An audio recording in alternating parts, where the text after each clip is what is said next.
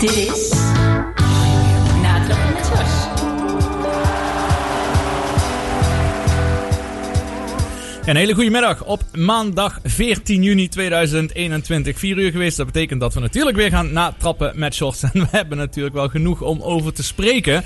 Want ja, laten we eerlijk zijn, de voetbalzomer, eh, niet alleen de voetbalzomer, maar de sportzomer, die is toch wel in volle hevigheid nu losgebarsten. Genoeg om over te praten. Dat doe ik samen uiteraard weer met Filip in de studio. Goedemiddag. Goedemiddag. Ja, live voetbal is er zelf. Tweede helft eh, tussen Schotland en Tsjechië staat op het punt eh, te beginnen. Eerste helft eh, was 1-0 uiteindelijk eh, geëindigd voor Tsjechië. Kopbal van Chic. Nou, dat past wel Chic. in een Maastrichts programma, zou ik zeggen. En eh, het valt me eigenlijk sowieso op. Ik zie veel eh, kopgoals eh er binnen vliegen. In de wedstrijden die ik tot dusver gezien heb. Behalve het Nederlands elftal dan. Nou, wel de 3-2 was een kopbal. Ja, Ja, dat is toch redelijk. Het schampertje. Maar daar komen we dadelijk nog wel over terug. En ik zag trouwens op plein 92 kunnen we ook live sport eh, gaan kijken. Denksport. Oh, daar staat een schaakspel. Ja, Ja, ik ja, zag het ja. op eh, het nieuws eh, voorbij komen op RTV Maastricht en andere kanalen dat er een, eh, de schaakvereniging van Maastricht dus een heus live groot schaakspel op plein 92 heeft gezet. Dus ik denk dat binnenkort nummertjes trekken wordt om daar een potje te spelen. Is Voor iedereen, voor iedereen beschikbaar dan. Voor iedereen is dat zeker beschikbaar. Ja, het staat er zoals je bijvoorbeeld in Amsterdam hebt of in andere grote steden. Dat iedereen daar gebruik van mag maken. En Kom, de schaakvereniging gaat binnenkort ook workshops daar geven. Dus Philip, als we om zes uur klaar zijn, dan daag ik je uit voor een, voor een potje. Maar laten we eerst even hebben over het eh, voetbal eh, zo dadelijk. Na de openingsplaat. Een openingsplaat die is van Martin Garrix. Die heeft samen met Bono en The Edge van U2 natuurlijk eh, een liedje opgenomen. En dat is ook de officiële anthem van het EK. Dus het leek me wel een goed plan om daarmee te starten.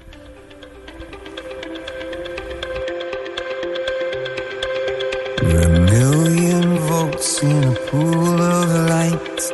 Electricity in the room tonight. Born from fire, sparks flying from the sun. Hey, I hardly know you. Can I confess? I feel your heart beating in my chest. If you come with me, tonight is gonna be the one. Cause you and no fear for the fight. You pull hope from defeat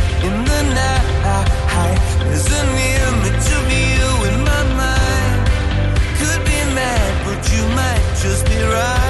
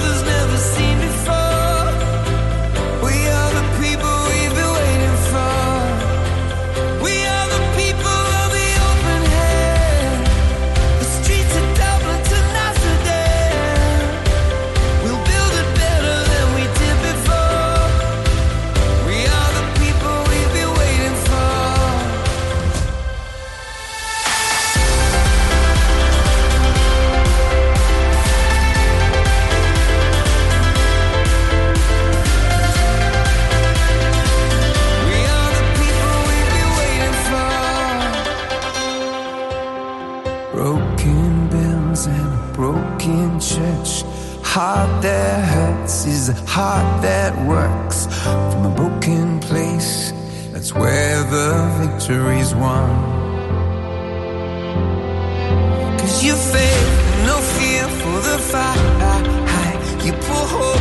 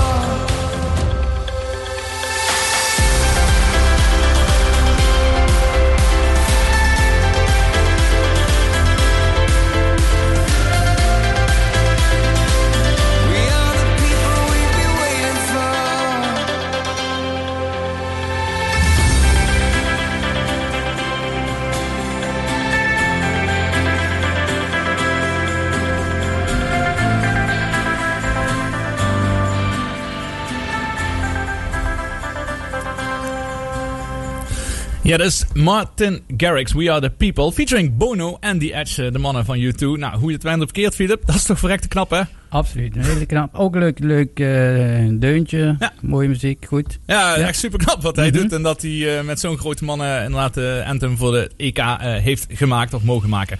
Nou, dan kunnen we eens gaan beginnen. Want gisteren was het eindelijk zover dat het Nederlands elftal eh, zijn openingswedstrijd speelde. Na zeven lange jaren wachten was er weer eens een keer een wedstrijd die er wat mij betreft echt om eh, ging. En dat was natuurlijk tegen Oekraïne. De 3-2 gewonnen wedstrijd van het Nederlands elftal. En ja, Filip en ik hebben dit niet eh, voorbesproken. Dus ik ben altijd heel erg bang wat Philips zijn eh, reactie eh, gaat zijn. Eh, maar Philip, wat is jouw gevoel, heel Nou, kort gezegd, na deze wedstrijd? Het begon goed, de eerste 10 minuten. Maar daarna werd het weer, wat, laten we zeggen, fatsoenlijk zeggen, wat minder. Maar laat me verstandig zijn en ze het voordeel voor de twijfel geven. En verder geen commentaar op deze wedstrijd geven. Nou, dat is, eh, wordt een heel kort item als je verder geen commentaar op deze wedstrijd gaat geven. Ja, Maar je bedoelt geen negatieve ja, commentaar. daarom, dus dan, dan houdt, het, houdt het snel op. Nee, maar eh, ja, ik moet eerlijk zeggen zelf dat ik eh, eh, erin ging eigenlijk zonder verwachting. En door toch een eh, moeizame aanloop, Frank de Boer die misschien niet in zijn beste doen is, in zijn persconferenties, wat onrust, et cetera. Maar naar de wedstrijd toe vind ik Frank de Boer wel echt steeds duidelijker worden en steeds beter ook in zijn rol eh, communiceren. Ehm, en, en inderdaad, doordat ik er wel vrij in ging, eh, moet ik zeggen dat ik toch wel positief verrast was als ik het vergelijk met de wedstrijden tegen Georgië en eh, tegen Schotland, wat natuurlijk de oefenwedstrijden waren. Maar even voordat wij daar verder over gaan, laten we het woord anders even geven aan een aantal heren die daar gewoon dik voor betaald krijgen. En dat is eh, Tom Egberts, eh, Jeroen Stekelenburg en Jeroen Elshoff, die commentaar hebben gegeven en de programma's voor de NOS hebben gepresenteerd. Dus even luisteren wat zij eh, vinden van de wedstrijd van gisteren. Het was Jeroen Stekelenburg. Ik heb een hele vermakelijke, energieke avond beleefd. Ehm, ja, zal ik daarbij laten dan? Als, als je het kort wil. Nee, dat is goed. Tom, wat, had jij? Heerlijke voetbalavond. Punt. Jeroen Elsof. Eh, precies wat ik nodig had na gisteren een best wel eh, heftige dag. Dus dit was, eh, ja, dit was echt alles wat ik eigenlijk hoopte vandaag. Nou, die zijn dus hartstikke positief. Ja. ja, die worden ervoor betaald natuurlijk. Hè. ja, ja, maar ze, ze beginnen wel deze voetbalpodcast met het verhaal van. Eh, dat ze eindelijk een keer kunnen zeggen wat ze echt willen. Want voor de televisie moet je er altijd een beetje voorzichtiger mee zijn. Terwijl een podcast kan, eh, kan het allemaal wat losser zo aan het einde van, eh, van de dag. Maar zij waren heel positief. En eigenlijk, eh, behalve eh, ja, de presentatoren, hoor ik heel veel positieve berichten. Heb jij gisteren nog naar de Oranje Zomer toevallig gekeken? Dat is met... Ja, met Johan de- Derks en zo. Ja, daar heb ik een stuk van gezien, ja. Heb je, wat was de sfeer daar? Ja, die waren ook redelijk Ja. positief. Dus, eh, nou, in het begin was het niet slecht. Het begin was goed, maar dan valt me op een gegeven moment op, staan ze allemaal weer stil. Alleen degene wat de bal heeft, die moet maar iets verzinnen, de rest staat stil. Dat zie je bij alle andere grote elftallen niet. Ze zijn continu in beweging, iedereen. Ja. Pak België, België heb ik gezien. Ja, Daar viel duidelijk op, er zijn tien spelers in beweging als, als, en de elfde heeft de bal.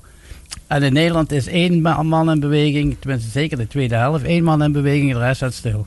Ja, er zijn wel een paar moeilijke, eh, moeilijke dingen. hè. Ehm, Natuurlijk, eh, Oekraïne best wel verdedigend toch ingesteld. eh, uiteindelijk, zo, dat weet je, als je tegen Nederland speelt, moet je gewoon terugzakken en op een counter spelen. Want daar is Nederland gewoon kwetsbaar. En dat bleek gisteren eh, ook wel weer, ook in de eerste helft. Waar toch een paar gevaarlijke momenten in het begin. Mhm. Ehm, en, en, en, en, en Dumfries, en, ehm, die, die speelden toch wel echt een eh, dijk van een wedstrijd.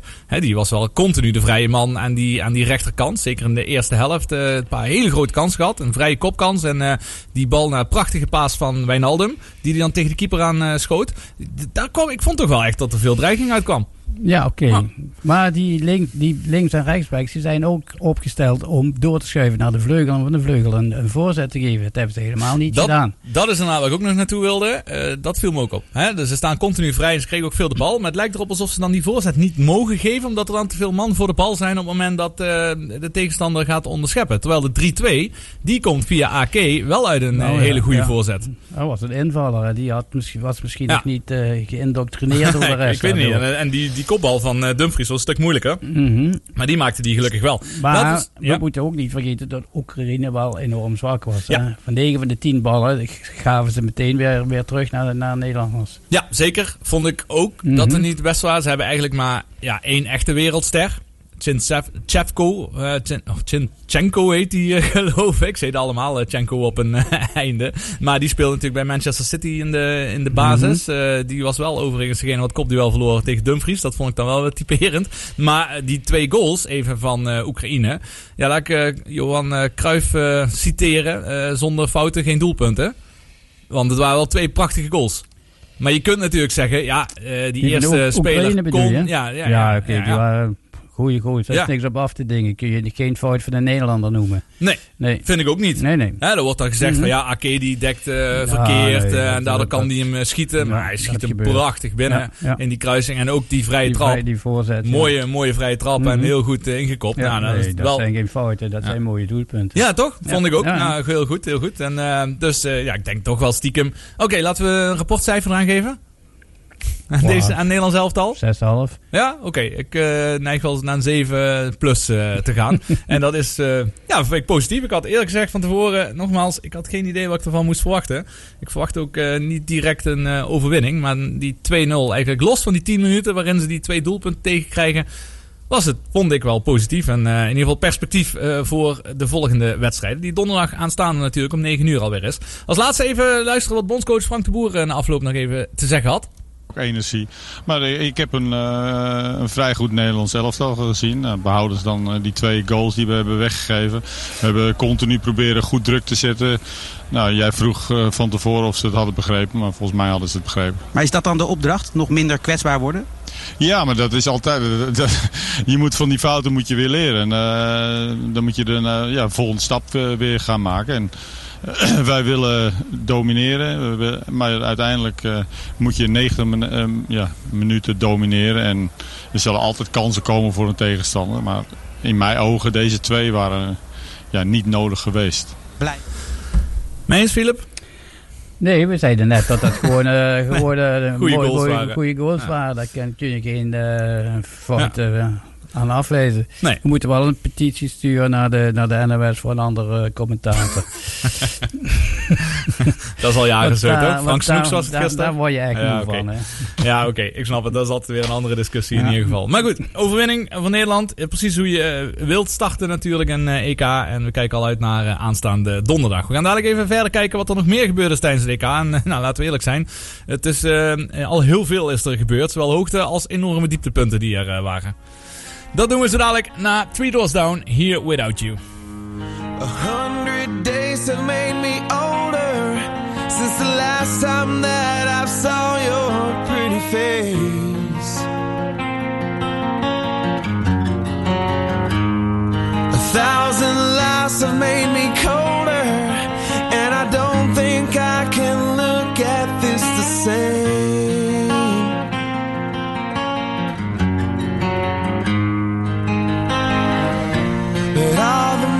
miles that separate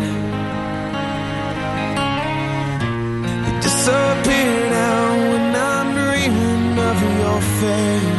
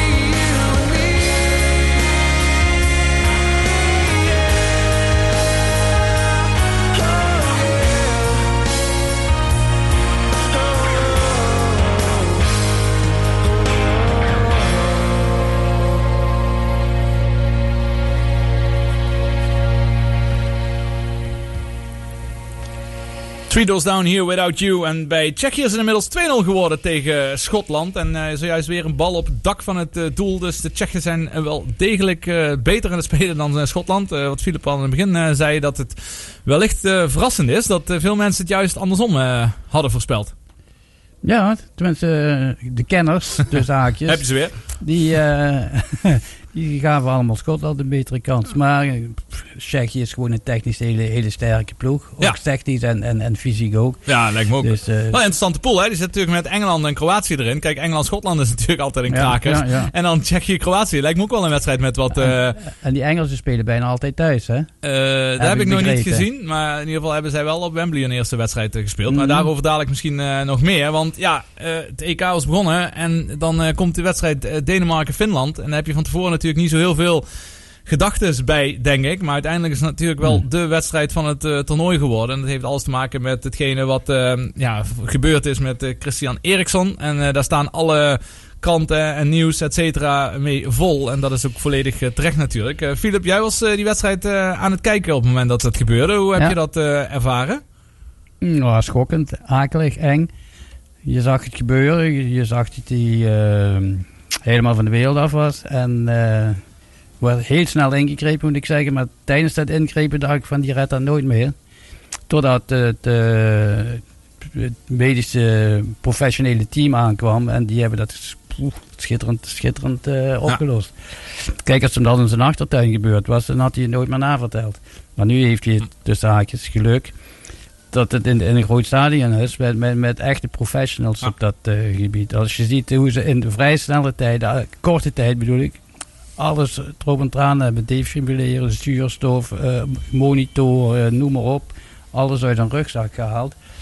Eh, ja, petje af voor die mannen. Ja. En beterschap voor Ja, uiteraard. voor. Ja, echt ja, waanzinnig dat dit Mhm. goed is afgelopen. En Ja. ik had ook echt. Ik wil niet eens over nadenken wat voor een. eh, ja, niet, natuurlijk voor hem persoonlijk en zijn hele familie en alles. eh, maar wat dat voor een impact zou Op hebben gehad op een, zo'n groot toernooi. wat wereldwijd bekeken wordt en gedragen wordt. Waar zo naar uit wordt gekeken. En dat in een derde wedstrijd eh, ongeveer. wat gespeeld wordt.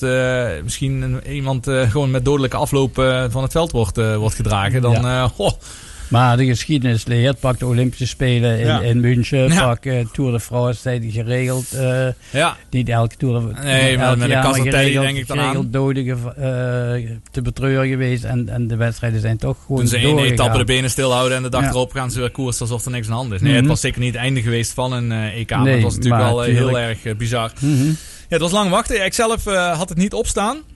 Maar ik, eh, ik was aan het werk eh, nog. En daarna toen eh, keek ik op mijn telefoon. En toen zag ik inderdaad van wat er gebeurd was. Dus toen ben ik snel naar de tv gerend eigenlijk. Om te kijken wat er allemaal gezegd werd. En er waren wel een paar dingen die me opvielen. En ook in momenten achteraf. Laten we eerst beginnen met die aanvoerder Simon Kjaar. Ja, die wordt nu al gezien als eigenlijk de held van het eh, toernooi. Hè? Hoe hij meteen de allereerste handelingen verrichtte. Mhm. Van zijn luchtwegen vrijmaken, hem eh, stabiliseren eh, qua, qua liggen. Vervolgens vond ik ook mooi hè, dat, hij er, dat ze eromheen gingen staan om af te Ja, schermen. ja, want ja, want eerlijk zijn, niemand wil dit toch zien. doen. Dit Met wil niemand doek. zien, vind ik ook. En Mhm. eh, hij keek nog naar Christian Eriksen, terwijl alle andere spelers met de rug naartoe stonden. Ja. Toen zijn vriendin aan de rand van het veld kwam, is hij naartoe gerend om haar eh, te troosten. En hij had natuurlijk wel waarschijnlijk al in de gaten dat hij in ieder geval bij kennis Mhm, van het veld af eh, is gegaan. Dat was met die ene foto was dat eh, te zien. Hè? Dat was een bizarre foto. Hè? Mhm. Alsof hij met zijn hand op zijn hoofd zegt van wow, wat is hier allemaal gebeurd? Mhm. Ehm, dus hij eh, verdient zeker een standbeeld daar in Denemarken.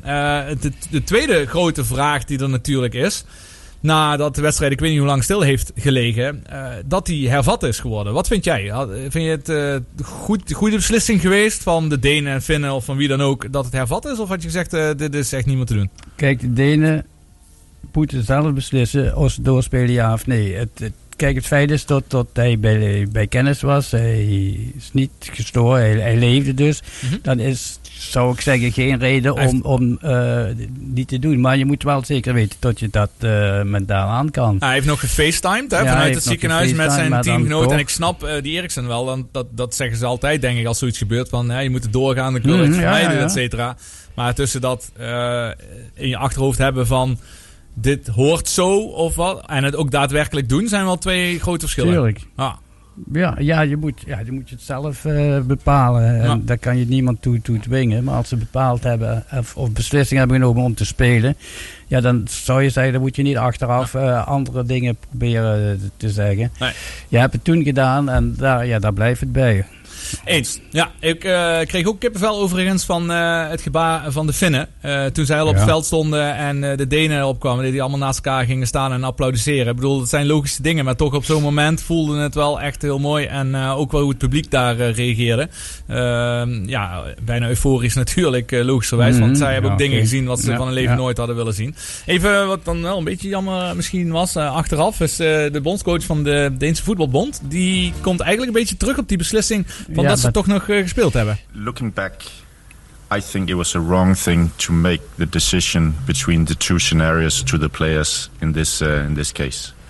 Uh, players who is in, in in a shock condition, players who who is who, who almost and they don't really know yet if they lost their best friend, uh, and they have to decide between these two things. I think it's um, and I have a sense that it was yeah we shouldn't have played, but I know it's difficult.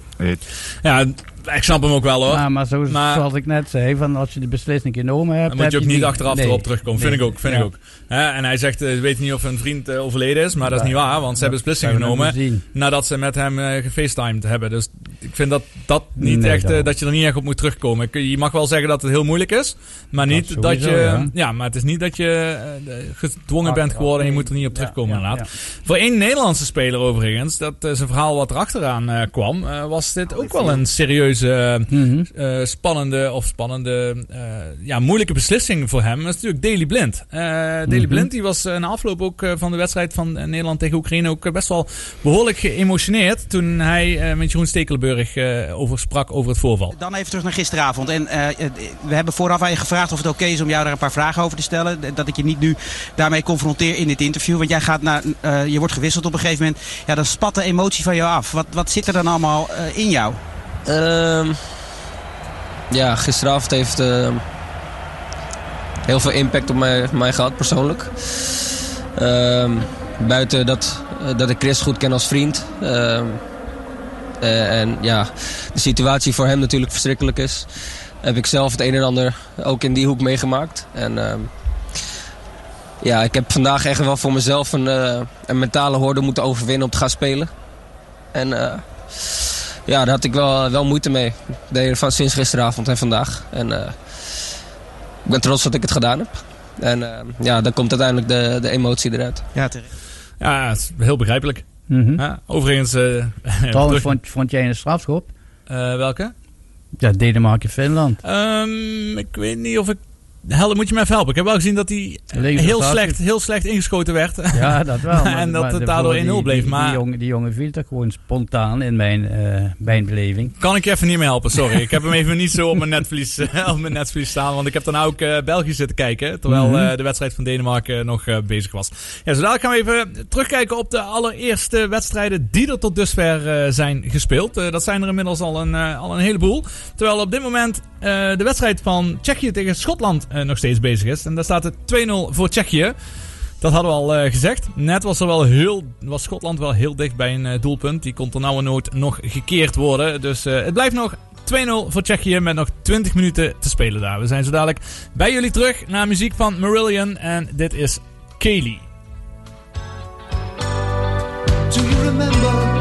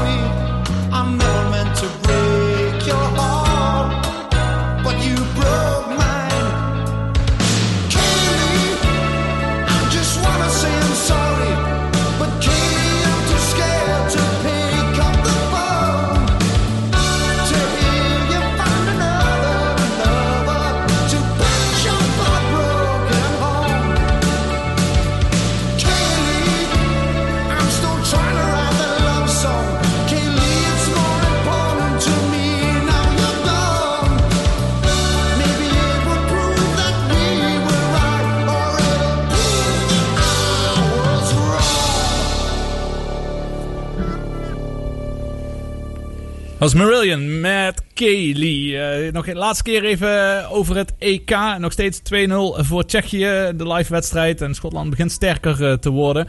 Ja, die hebben nog maar een eh, goede 20 minuten hebben ze nog om iets recht te trekken daar. Inmiddels zijn er zo'n Zeven wedstrijden zijn er inmiddels al gespeeld van het EK. De achtste is nu eh, dus bezig. Iets waar eh, echt naar uitgekeken mag worden. Is natuurlijk als eh, morgen de pool des doods van start gaat. Tussen eh, Hongarije, Portugal en Frankrijk-Duitsland. Eh, dat zijn natuurlijk de, de, de grote wedstrijden die eraan zitten te komen. Betreffende grote namen tegen elkaar.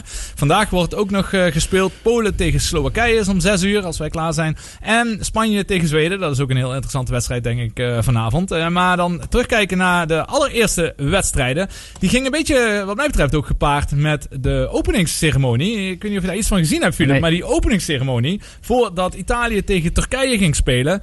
Daar zong Andrea Bocelli. Zong Oh. Daar Nessun Dorma. En daar met alle spektakel eh, Mhm. daarachter. Nou, ik kan je vertellen. eh, Italië stond daarna al eh, met eh, 2-0 voor wat mij betreft.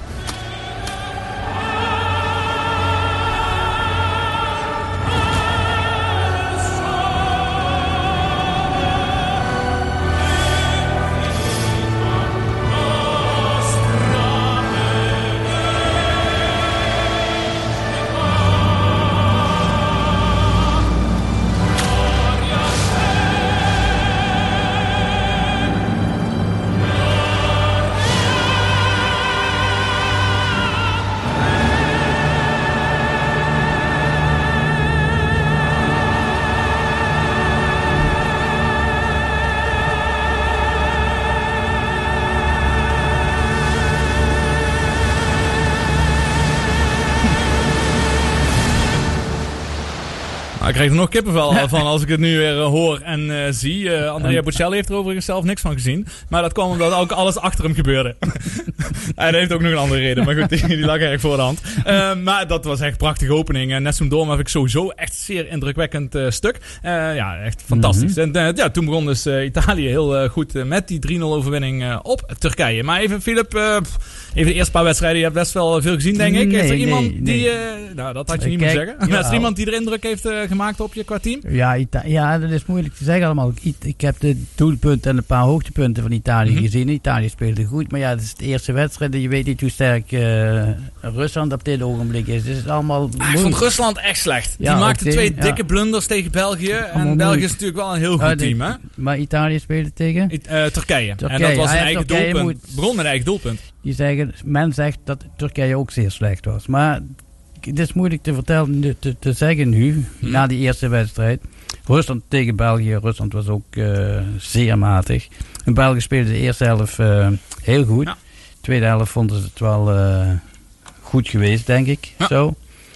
Denk ik ook. En dat is ook Denema- logisch. Ja, Denemarken, Finland voor, voor, de- voor die situatie was ook pff, niet geweldig. Mhm.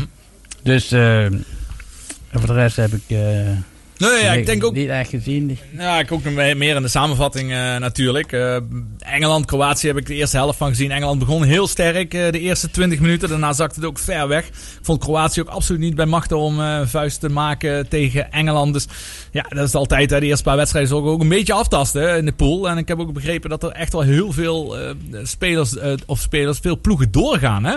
Want je Ja. kunt ook nog in... twee. De eerste twee sowieso, de maar de beste drie van... Er zijn in totaal zijn er een aantal eh, eh, verschillende groepen. Er zijn natuurlijk eh, zes groepen even uit mijn hoofd. En de beste drie van de eerste drie groepen en de beste drie van de tweede drie groepen, die gaan ook nog eens door. Dus er zijn Mhm. al eh, serieus veel spelers eh, of veel landen die doorgaan. Dus je moet wel je best doen tegenwoordig om niet Oh. door te gaan. ja, dat is wel zo. Want er gaan meer, meer, eh, meer landen gaan door dan dat er afvallen. dat is natuurlijk best wel een aparte situatie, hè?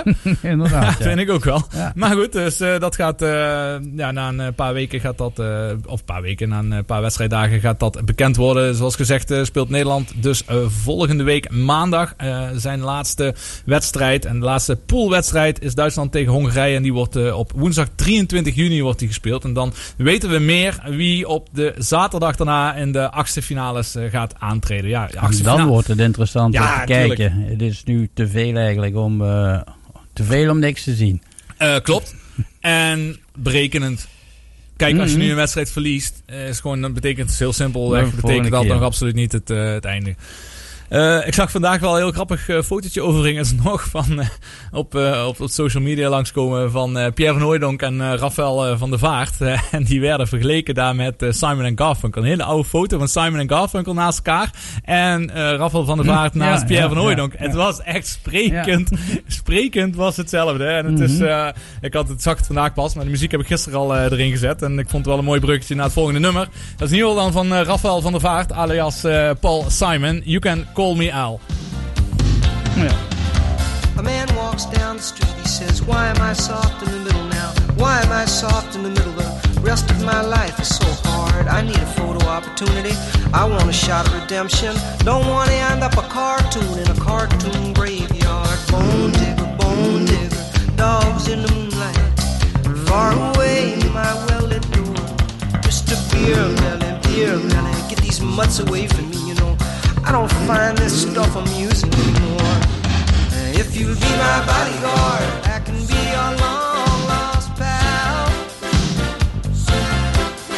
I can call you Betty, Betty. When you call me,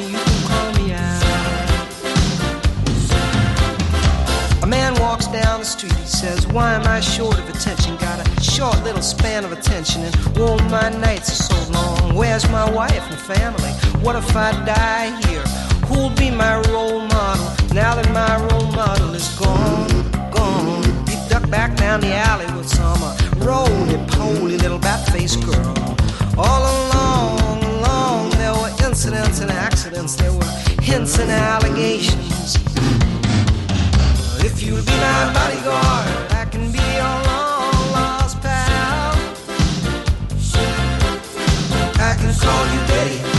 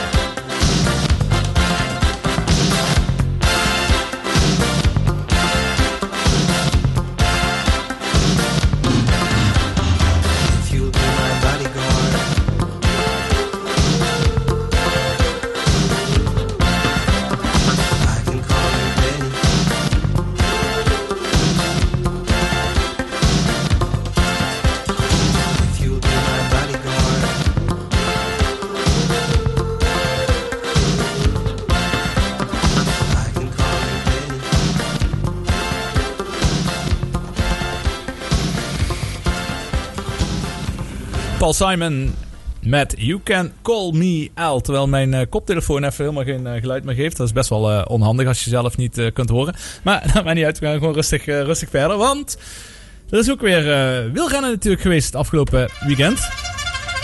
En, of afgelopen weekend, de afgelopen week. Want we zitten heel erg in de aanloop natuurlijk naar de Tour de France. En eh, in aanloop naar die Tour de France toe was de Ronde van Zwitserland. De Rots- Ronde van Zwitserland zit eigenlijk net wat te dicht op de Tour om de grote namen daar aan mee te laten doen. Want die grote namen zitten eigenlijk allemaal op de hoogtestage. Ehm en het tweede wat ook best wel apart was, is dat er eh, best wel veel vlakke wegen waren wat er gefietst werden rondom eh, de meren. Eh, en Dumoulin die zei eigenlijk dat je beter naar eh, Oostenrijk kunt gaan. Want ten eerste is het de helft van de prijs. En ten tweede is, eh, ja, heb je bijna dezelfde uitzichten. Maar het is vooral natuurlijk een stuk goedkoper wanneer je in, eh, wanneer je in Oostenrijk eh, bent. Ten opzichte van het Zwitserland. Want dat is natuurlijk wel een van de allerduurste landen die er, die er zijn.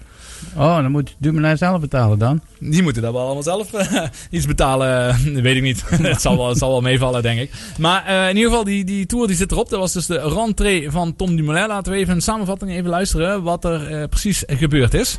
In de eerste tijdrit bij zijn echte rentree afgelopen zondag, dat was 11 kilometer, miste hij de power en ook een beetje de koershardheid. Vandaag een herkansing met een klim erin van 9,5 kilometer. Een tijdrit over 23 kilometer. In het geel de man uit Ecuador, Carapaz. Hij rijdt voor Ineos en dat is de ploeg die dit jaar voorlopig de baas is in de rittenkoersen. Denk maar aan de Giro bijvoorbeeld. Dumoulin bergop, harken en daarna het grote mes erop. En dan is intussen Oeran al op het parcours. En hoe? Hij is bezig iedereen naar huis te rijden, inclusief Dumoulin. Die kan tevreden zijn met zijn prestatie. Hij is sneller bijvoorbeeld dan Dennis en Koen. Maar hij Nou, laten we daarover hebben dan hoe dat is eh, gegaan. Eh, de rentrée van Tom Dumoulin. Hij eh, vijfde wordt hij uiteindelijk in de tijdrit. Nou, wat denk je zelf? Niet slecht. Nee. Had ik niet gedacht in eh, eerste instantie, ja. Niet slecht. Een, eh, zeg maar hoopvol eh ja. Rentree. Ja, dat is het zeer zeker een hoopvolle rentree. Want eh, het andere in die tijdrit, hè, we hadden vorige week al even erover met Sander Kleikers, dat het eerst eh 10 kilometer klimmen was. En vervolgens was het 10 kilometer ongeveer afdalen Mhm. voordat het vlak werd. En hij was had de zesde tijd in het klimgedeelte. En de twaalfde tijd had hij in de afdaling. Nou, ik denk dat dat beter is dan dat je het andersom hebt. Geen idee wat beter is. Eh, ik heb wel klein stukjes gezien en... Het werd niet uitgezonden, hè? dat was wel jammer. Ja, maar later in de herhaling heb ik... eh Eurosport was dat ook, hè? Mhm, Ja. Klein stukjes gezien dat hij... Waarvan men zei dat hij niet de goede versnelling had laten monteren of gemonteerd had. Dat hij bergaf niet meer mee- kon meetrappen. Terwijl andere Ja? bergaf op met 80 km per uur toch nog altijd eh, kracht konden zetten. En hij had stukken erbij wat je ook zag dat hij niet trapte. Oké. Omdat hij eh, zeg maar luchtledig is aan het Ja, hij zei zelf ook, in ieder geval bij de podcast van In het Wiel, want die waren daar met het AD, dat hij ook gewoon helemaal stuk zat. Dus dat hij zich Ja, ja, eigenlijk naar beneden berg- heeft laten rollen. Bergop heeft hij zich inderdaad, eh zei hij... Helemaal eh, kapot getrapt, ja. te ver gegaan. Ja, en heeft hij eigenlijk in de afdaling heeft hij juist ja, aerodynamisch naar beneden gegaan, maar niet echt bij zitten trappen en maar mee zitten herstellen. Maar ik denk inderdaad dat hij wel een goede, goede, goed is teruggekomen. Mhm, Het ja. enige is natuurlijk wel, want eh, hij rijdt woensdag de tijdrit van het eh, NK. Hè, dat is eh, komende week is dat. En zondag is daar de wegwedstrijd. Dat is in Drenthe op de Vonberg. Wordt daar Wanneer gefietst. woensdag? Nu komende nu komende woensdag. woensdag, ja. Ja, Dan wordt er al weer Mhm, gefietst. ja. Ehm, er zit wel weinig, hoe zou ik zeggen, er is weinig ruimte voor een terugslag. Op weg naar die Olympische tijdrit, wat over iets minder dan anderhalve maand gefietst gaat worden, moet je niet een klein tegenslag krijgen. Dus start is Nee. goed. Laten we hopen dat hij hem doorpakt. Carapaz wint, dus de ronde Mhm. van eh, Zwitserland. Weer Ineos. Ineos, Ineos wint, ja. Ja, heel interessant of het eh, bij de Tour de France ook zo eh, gaat zijn. Want eh, zou Jumbo-Visma lijkt zich toch wel allemaal een beetje te sparen. En het wachten totdat eh, het zover is dat zij de Tour gaan starten. Want je ziet hun op dit moment gewoon nergens.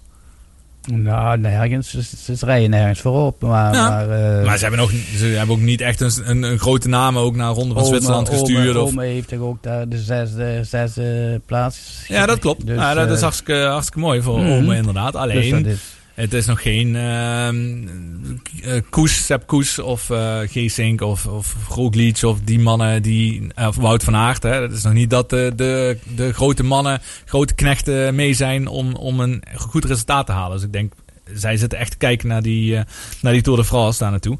Dan hebben we nog een andere Limburger die daar actief was. Wout Poels. Mhm. dat is wel een verhaal hoor. Die heeft namelijk in de eerste grote bergetappe, want hij ging wel degelijk voor een eh, klassement, heeft hij 4,5 minuut verloren. Nou, hoe is dat zo gekomen? Hij fietste redelijk op, op kop eh, na die grote klim. En daar kwam een grote rotonde. En je ziet vaak hè, bij wielerwedstrijden, dan eh, splitst dat Mhm. zich links en rechts. Alleen die linkerkant had afgezet moeten worden, want ze moesten rechtsaf. Mm. En dat was net in een vallei Ja. waar ze echt met 60, 70 per uur op die rotonde aankwamen. En er was een groepje, waaronder Wout Poels, die dus linksom gingen, die echt volledig stil kwamen te staan. En die goede positie totaal kwijtraakten. Want dan kom je natuurlijk achter in het peloton kom je terug. Terwijl het peloton met 60 per uur eh, langs gaat. Ja, en dat was helemaal uit positie voor die klim. Ja, en als je dan een heel peloton eerst voorbij moet, terwijl de favorieten allemaal voorop zitten, dan verlies je nogal wat. Dus dat was een klein, eh, klein foutje, was dat eh, daar. Ja. Maar wat mij betreft ook, ook wel weer een van de allergrootste helden. Mathieu van der Poel. Die twee Ja, ritwinsten hij wat hij had. twee keer en dan Ja. ehm, heeft hij laten zien wat hij kan. Ja, dan, dat is eh, toch geweldig. Ja, ja absoluut. Wel, je weet dat hij, die, die gele leiderstrui, die kon hem echt eh, gestolen worden. Interesseerde hem helemaal niks. Nee, nee. Want hij zegt, en dat hadden we het vorige week over. Toen won die eh, live in de uitzending, won die inderdaad die eerste etappe.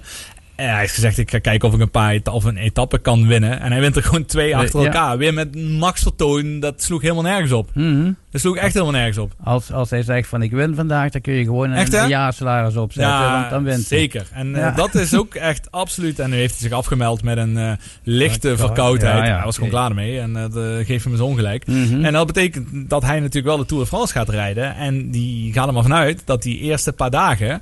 Daar Ja. is hij scherp hoor. Mhm. Want daar valt een gele trui eh, te verdienen. En die ritten zijn precies ritten die op zijn lijf zijn eh, geschreven. Dus ik denk dat we in die eerste week van de Tour... In ieder geval de eerste paar dagen... eh, moeten we even goed Met zijn- opletten. Met zijn neus vooraan is. Ik denk dat hij zijn witte koersbroek aandoet en dat niemand hem daarna meer, meer terugziet hoor. Want Mhm. man, man, man, wat is dat toch een eh, geweldenaar. Het, het- hij, hij laat gewoon ook, ik heb ook alleen maar samenvattingen kunnen zien, maar als je ziet die etappe wat hij wint, hij zit voorop, hij wordt bijgehaald en, en net als hij bijna wordt bijgehaald, besluit hij te hij sprinten. ja. Dat is toch gewoon iets wat je normaal niet ziet. Nee, daarom Hij- wint hij misschien ook. Hij laat hè? al die, al die gasten als junioren eh, uitzien Mhm. op het moment dat hij Ja. aanzet. Is Hij- fantastisch. Hij, durft gewoon, hij kijkt niet naar anderen, hij Ja. gaat, eh, voor, hij gaat zelf, ja. En ik moet eerlijk zeggen, het wielrennen ben ik eigenlijk door dit programma pas echt veel gaan volgen. Maar als eh, Mathieu van der Poel meedoet, dan ga ik gewoon al met plezier zitten.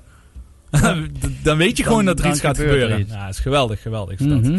Ja, dus eh, dat zit er dus zo weer op, eh, Ronde van Zwitserland. Eh, weer een paar mooie rondes achter elkaar geweest. Carapaz wint dus eh, voor Ineos. Nu is het even allemaal nationale kampioenschappen. Zodat de truien verdeeld worden die in de Tour de France van, ja, van stal worden gehaald. Iedereen in zijn, of iedereen, in ieder geval de nationale kampioenen in de landskleuren gaan Oh, fietsen. dat wil hij ook winnen, hè? hij zou heel graag in de... Mathieu, ja, zeker. En dat doet hij nu ook. Ja, ja, Ja. want hij zou heel graag in rood-wit-blauw ja, de Tour fietsen. kan ik je zeggen, dus, dat eh, gaat hij ook winnen. Want die mhm. Von Berg, hij is eh, zo'n eh, explosieve renner. Die kan eh bergop, heeft hij vorige keer ook eh, laten zien. eh, vorig jaar. En die, in die uitgeklede koers was het toen. Mhm. Ja, dat- dat- ik ben benieuwd wie hem kan bijhouden. Het lijkt erop alsof het op het lijf geschreven is van, van de Poel. En dat zou mooi zijn, want hij gaat ook zeker in beeld rijden in het begin tijdens de Tour de France. We gaan even weer naar een laatste nummer. Ehm, Pride and Joy van Stevie Ray Vaughan. En die hebben we eigenlijk vorige week ook, een, hebben we ook gewoon vorige week gedraaid. Maar toen viel die een beetje in het niets omdat we tussen het bellen zaten. Maar Philip, jij eh, weet daar straks best nog wel iets over te vertellen over eh, de Stevie Ray Vaughan. Toch? Mhm, ja, dat weet ik. Ja, mooi zo. Dus eh, geniet eerst even Pride and Joy, Stevie Ray Vaughan.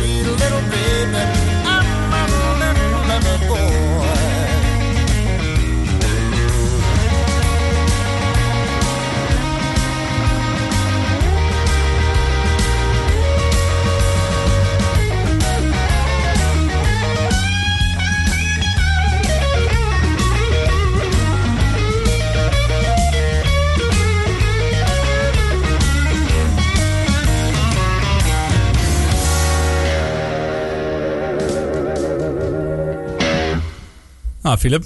Nou. Pride and Joy, Stevie Ray Vaughan. Even heel snel dan. Stevie... Oh, doe maar rustig hoor. Oh ja, Stevie Ray, eh, jazz-gitarist. die is ontdekt geworden op het jazzfestival van Montreux door David Bowie. En David Bowie heeft hem daar gevraagd of hij in zijn orkest eh, zou willen spelen en eh meetoeren. Dat heeft hij toen gedaan. En later heeft hij dus zelf op weg gegaan. Totdat hij uit een optreden ergens ehm, naar huis kon vliegen met een eh, helikopter. En hij mocht mee omdat ehm, Eric Clapton. Eric Clapton te laat was. Eh, daar, ze zijn toen opgestegen en even later neergestort. Dus eh, met z'n vieren en de piloten allemaal dood. Dus Clapton, Steven, hong daar aan een zijde draadje. Ja, zo dat- kan het gebeuren. Dat is ook wat, hè? Mhm. Dat zie je ook inderdaad wel vaker. eh, of vaker. Dat, dat soort verhalen hoor je inderdaad wel eens vaker. En dat is meestal eh, met eh dodelijke crashes. Dat, dat, dat er een aantal mensen in zitten die er misschien niet in hadden moeten zitten. En andersom. En ja, Mhm. zo is soms het leven dan ook. Ehm, in ieder geval is het afgelopen tussen Tsjechië en Schotland. 2-0 is het gebleven voor Tsjechië. Terwijl die tweede goal van ja, Chic, blijf ik het even op zijn Maastrichts eh, zetten. Schitterende goal. Dat is een afstandsschot gewoon chique van goal. eh, chique goal, ja. Het, eh, hij heeft twee chique goals gemaakt, maar deze was heel chic, want deze kwam echt vanaf 40 meter. Keeper was te ver voor zijn doel en hij eh trapte hem ja, in de bovenhoek over de keeper heen onhoudbaar. Zo is het nu in ieder geval klaar betreffende de eerste wedstrijd eh, van vandaag eh, op het EK gespeeld. Dat zorgt ervoor dat in ieder geval de stand in groep D zo is dat Tsjechië daar eh, eerste staat en Engeland tweede. Maar ja, we allebei natuurlijk drie punten en Kroatië en Schotland die staan op de derde en de vierde plek. En de volgende wedstrijd, dan zou ik even moeten kijken natuurlijk, die gespeeld gaat worden in diezelfde pool. Dat is inderdaad is Kroatië tegen Tsjechië en Engeland tegen Schotland. Dat wordt vrijdag gespeeld. Ook wel iets om naar uit te kijken. Ja. Qua wedstrijden. Mhm. Zeker. Goed, we zitten langzaam zeker aan het eh, einde van ons allereerste uur. Dan dadelijk het eh, tweede uur. Eh, dan gaat het vizier wat meer op de tenniswedstrijden liggen. Want de afgelopen twee weken was natuurlijk Roland Garros gespeeld. Nou, laten we even zeggen, Philip.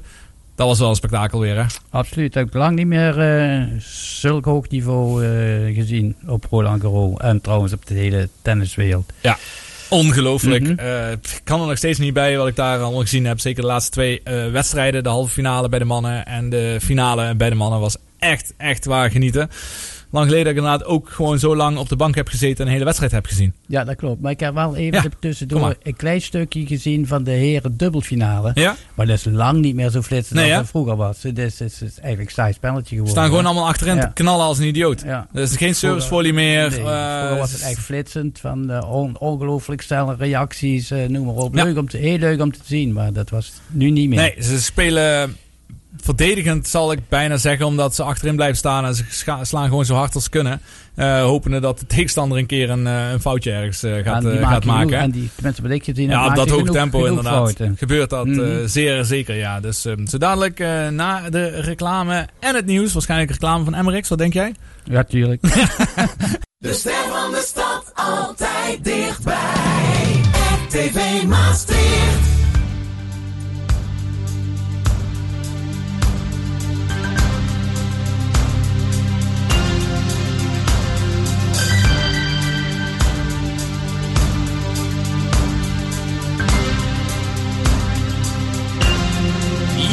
Turned me on.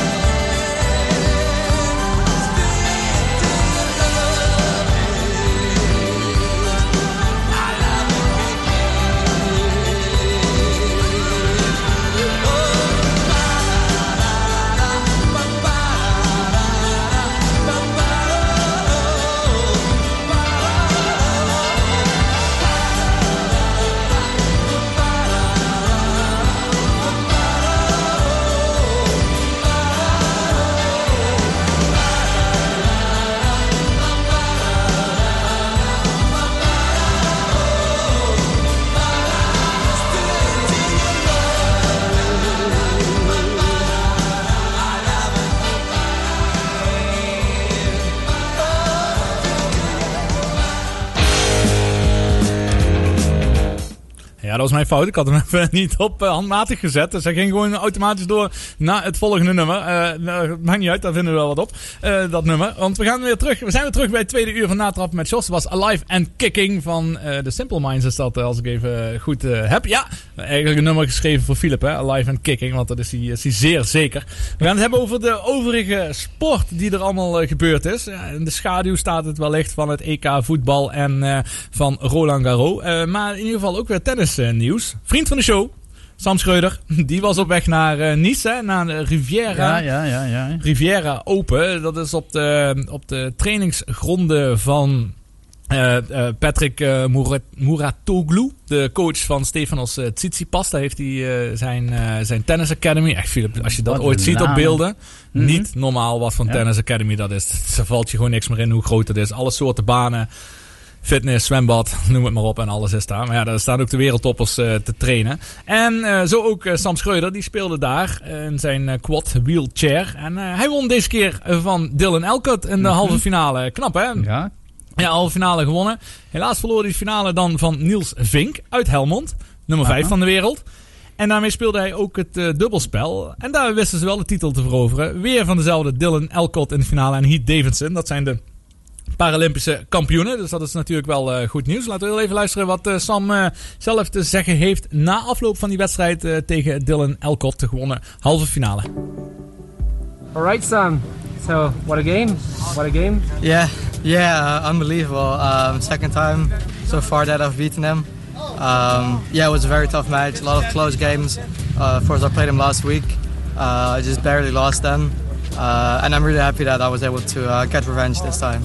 And this afternoon, you're playing the, the big final in double. We already played uh, four matches against uh, the Australians, and then uh, uh, it's always really close.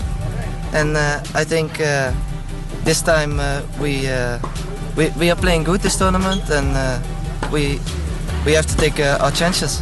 En dat hebben ze zeker gedaan, want ze wonnen zelfs met Mhm. overtuigende cijfers 6-3, 6-1. Zijn, Eh, zijn er beelden van ergens? eh, Nee, ja, op ik, ehm, ik denk op YouTube is wel een en ander eh, te vinden. Want daar heb ik ook dit interview op eh, gevonden. Dus ik denk als je op YouTube gaat kijken, de Riviera Open, wellicht zijn er wel wat beelden. Ja, is moeilijk, hè. is altijd jammer. Die eh rolstoeltennis is, is weinig van te zien. Terwijl het ja, echt Mhm. wel super knap is hoe ze zou ik spelen. zeker één keer willen zien. Ja, nou op ABN AMRO toernooi is natuurlijk ook altijd rolstoeltennis. Ja, niet daar niet op tv, dan zou je Mhm. er naartoe moeten gaan. Zeker.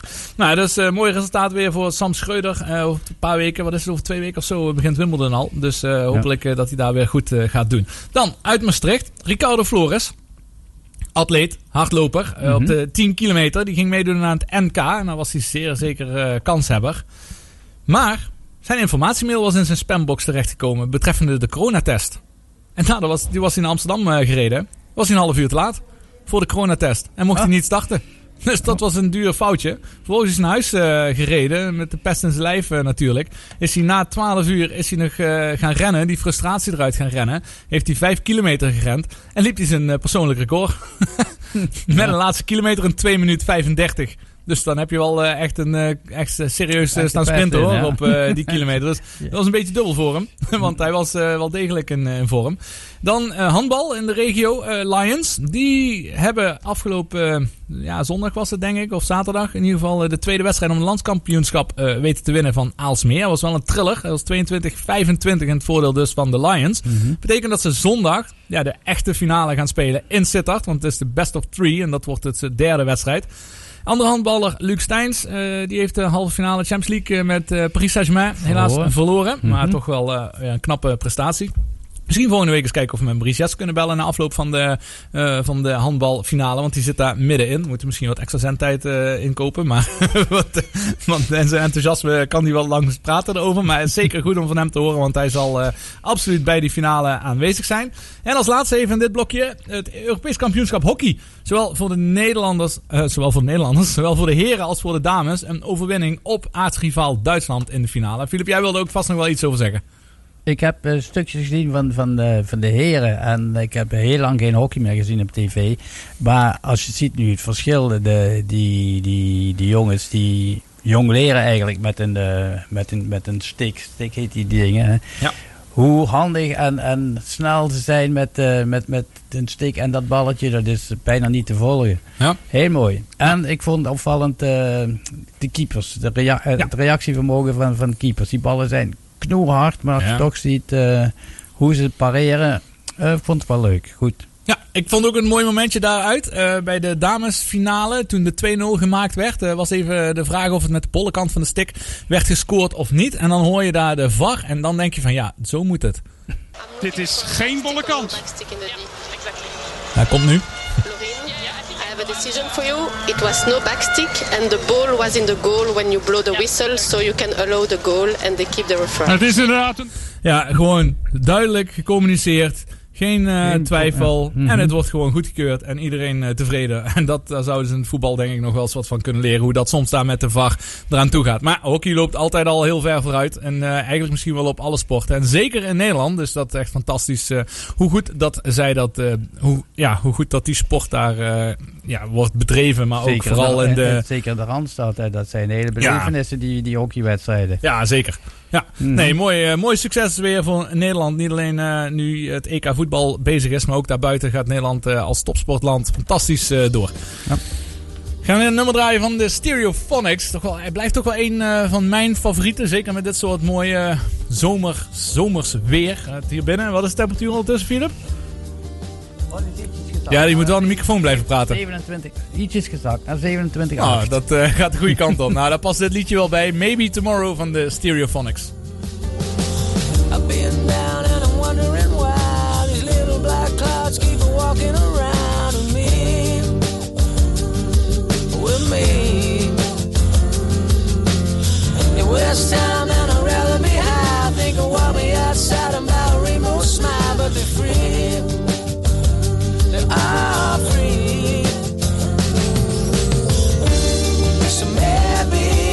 Tomorrow.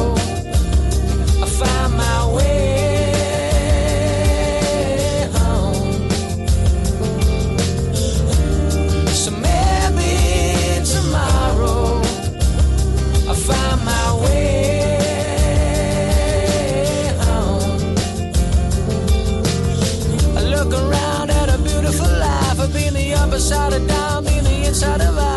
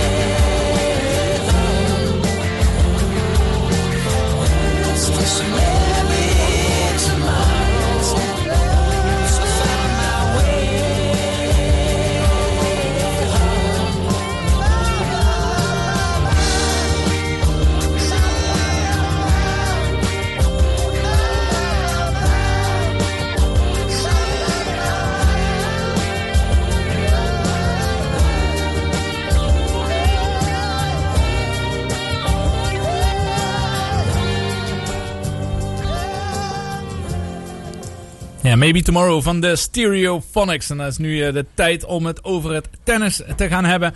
Ja, de echte heldendaad van eh, Djokovic natuurlijk. Maar laten we even eh, met de dames beginnen. Voordat we uitgebreid op Djokovic gaan terugkijken. Het was namelijk...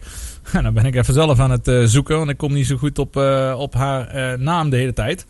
Hmm, sorry hoor.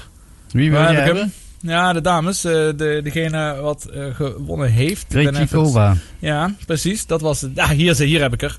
ik had de voorbereiding eh, natuurlijk wel hier op het scherm. Maar het is inderdaad de Tsjechische Krejcikova. Die wint zowel de single van de Russische Pavlyuchenkova, nummer 31 geplaatst. Terwijl Kre- Krejcikova niet geplaatst was. Ze wint met 6-1, 2-6 en 6-4. Maar misschien nog net zo knap is het dat zij ook het dubbelspel heeft gewonnen. Samen met Siniakova. Dat is ook een Tsjechische. Dus die zijn Ja, wel zo, zo knap is het niet, want is een nou, dubbelspecialist. ja, hè? die stonden tweede geplaatst inderdaad. Dus ik, Mhm. mm, toen ik het zei, dacht ik al, Dus eigenlijk is het andersom. Het Ja, is juist heel knap dat ze Mhm. single wint. Terwijl in de dubbel was het eh, wat meer in de lijn der verwachting. Eh, die wonnen ze van eh, de Amerikaanse Matic Sands en de Poolse Swiatek. Die voorafgaand toch als titelkandidaat werd gezien voor het enkelspel.